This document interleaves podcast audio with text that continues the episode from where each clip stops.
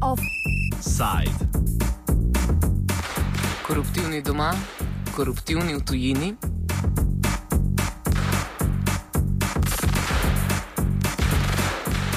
Organizacija za ekonomsko sodelovanje in razvoj od leta 2010 je članica, tudi Slovenija je leta 1997 sprejela konvencijo o boju proti podkupovanju tujih javnih uslužbencev v mednarodnem poslovanju. 40 držav članic se je zavezalo k izpolnjevanju dveh poglavitnih ciljev: preprečevanju podjetniškega kriminala in spodbujanju čistega poslovanja. Mednarodna organizacija Transparency International vsako leto pripravi poročilo o izvajanju konvencije, pri sestavi katerega že peto leto sodeluje tudi Društvo Integriteta Transparency International Slovenija. O danes objavljenih izsledkih nam je več povedal Vid Dorja, generalni sekretar Društva Integriteta. Ta, ta konvencija je bila, kako ste rekli, podpisana leta 1997 strani treh ali štirih držav, če se ne motim. Um, namen te konvencije je zmanjšanje korupcije in pa nelegalnih, neetičnih praks um, podjetij, ki poslujejo v tujini. Um, je posledica um, nelegalnih praks, kot, kot sem že omenil, uh, v preteklosti, kjer so nekatere države v preteklosti dejansko spodbujale, um, če se lahko tako izrazim, um, nelegalno poslovanje skozi um, pri tujem, tujem poslovanju, ne? tako da so dobile, da so lahko um, dobile posle v, v, v, v tujini in tako um, povečale gospodarsko rast in pa izvoz v svoji državi. Če mogoče začnemo na globalnem nivoju, kakšni so izsledki letošnjega poročila? Um, na splošno uh, je poročilo kaže slabše rezultate kot vsa prejšnja. Um, tako se je nekako implementacija konvencije nekako, nekako stagnira oziroma se je ustavila. To je tudi posledica spremembe metodologije same raziskave oziroma samega poročila, um, saj, um, saj se primeri za nazaj gledajo ne več od same implementacije konvencije oziroma um, implementacije v pravni red konvencije posamezni državi od leta, se pravi, leta 97 oziroma 2000 ko jo je recimo Slovenija implementirala um, oziroma sprejela, um, temveč zajema samo obdobje zadnjih štirih let. Uh, tako da so, da so ti podatki bolj ažurirani in dejansko predstavljajo dejansko stanje, ki, ki velja v neki državi. Mislim, da samo poročilo ne, uh, je oko, 40 držav podpisnic uh, razdelilo v štiri kategorije izvajanja konvencije. Uh, Pa če bi lahko malce povedali, kako so te kategorije zamišljene, oziroma na podlagi česa je posamezna država vrščena v eno izmed štirih kategorij.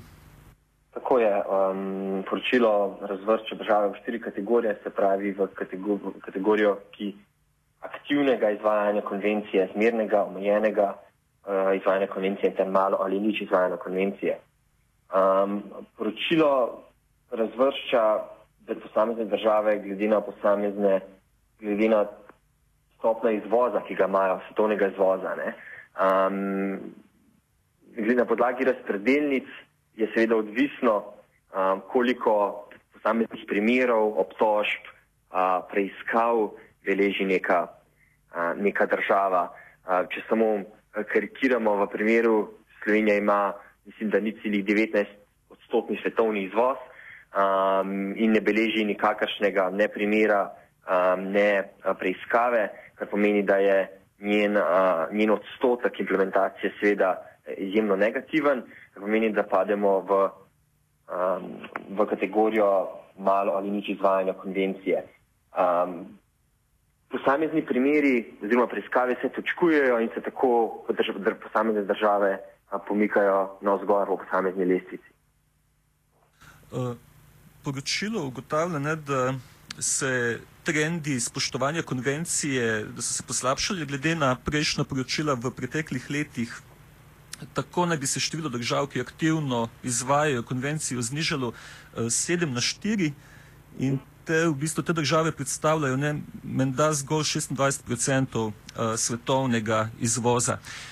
Kdaj bi lahko šteli izvajanje konvencije za zadovoljivo? Kakšni statistični oziroma nasploh podatki bi recimo zadovoljili same, same pričakovanja konvencije?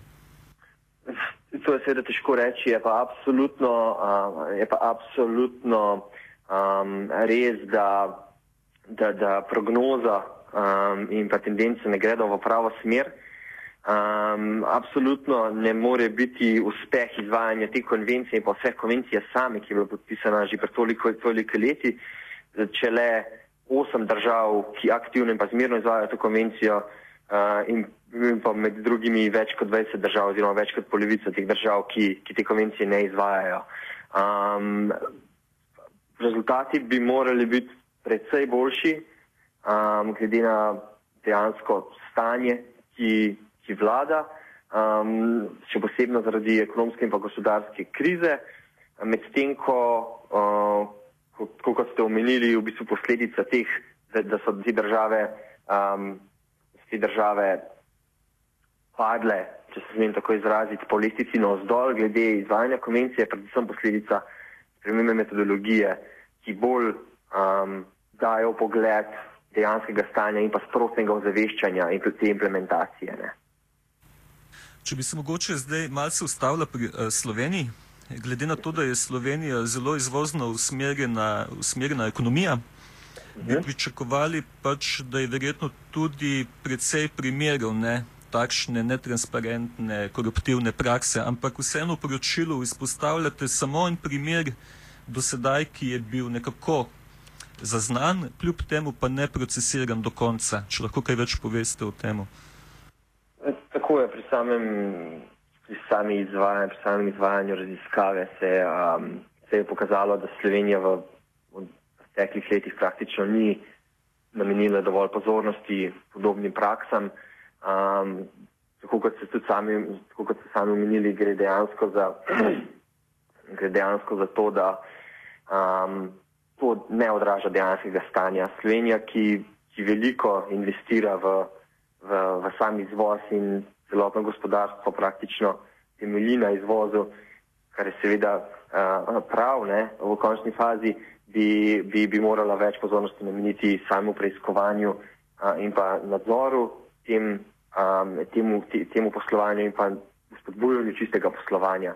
Um, saj edino to v bistvu bo Sloveniji pripomoglo, da se lažje izveči iz krize in pa pridobi neko tujo vlaganje, za katero katera si praktično tako, um, tako prizadeva. Mogoče bi lahko izpostavili kakšne posebne ovire, ne, ki se postavljajo na pot samega izvrševanja konvencije. Mislim, da v poročilu navajate nezadovoljivo stopnjo dostopa do informacij.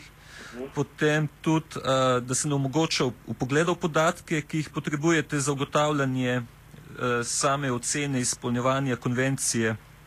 Prav tako naj bi Slovenija, kot ste navedli, mogla več sredstev nameniti za usposabljanje preiskovalcev, tužilcev, sodnikov.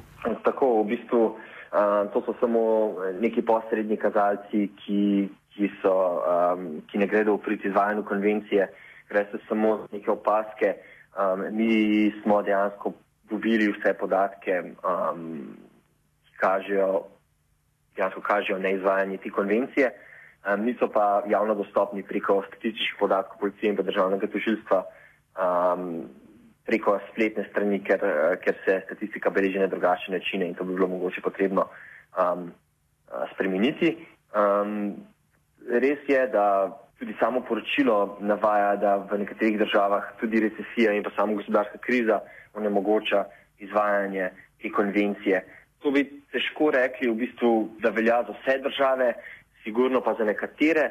Um, mi že praktično od samega začetka opozarjamo na, na pomankanje sredstev za usposabljanje preiskovalcev, tožilcev in posodnikov, um, kar dejansko edino lahko sledi razvoju teh um, naprednih, kot narekovaji, kaznjivih dejanj, ki jih je izredno težko um, preiskovati in pa seveda tudi kaznovati v končni fazi. In tukaj bi morala, uh, bi morala gre namen celotnega poročila kot opozorilo predvsem vladi in pa tudi odgovor pristojnim institucijam, da storijo več za preprečevanje podobnih dejanj in pa tudi kaznovanje um, potem kaznivih dejanj. Na globalnem nivoju poročilo ugotavlja dobrodošel napredek recimo pri uh, državah kot so Avstralija, Brazilija, Kanada, ki naj bi pač dopolnili zakonodajo na tem področju. Ali je mogoče kaj pozitivnega vseeno tudi v primeru Slovenije, pa čeprav smo se znašli na repu držav pri izvajanju konvencije? Tako je, v bistvu Slovenija je že pred leti a, praktično naredila velik korak naprej pri sami implementaciji zakonodaje a, in pa sprejemanju zakonodaje. A, tukaj gre, tukaj predvsem bomo v preteklih sporočilih a, pohvalili tako a, posebni oddelek za sodišče za pregon gospodarskega kriminala, a, prav tako vzpostavitev NPU-ja, v končni fazi. Um, v zadnjem letu je poročilo pozitivno ocenjeno predvsem prenos državnega tožilstva nazaj v okvir ministrstva za pravos, uh, pravosodje, ne, um, kar je v prejšnjem poročilu postavilo kot, kot negativno tendenco. Um, prav tako je v kazenskem zakoniku razširilo um, kaznivo dejanje aktivnega in pasivnega mednarodnega podkupovanja. Prav tako so šle, so, šli, so šle nekatere spremembe v smeri večjega korporativne, večje korporativne kazenske odgovornosti um, zaradi zlorab položaja v preteklosti in tako naprej. Se pravi, neke takšne podlage. Slovenija nima ne vem kakšnih problemov oziroma manjka na, v zakonskih pravnih okvirih, temveč iz, velja izredno pomankanje implementacije same zakonodaje, kar a, dokazuje sama implementacija konvencije OECD. -ne. Offside o neučinkovitem boju proti podkupljivemu osvajanju tujih trgov je pripravil Tadej.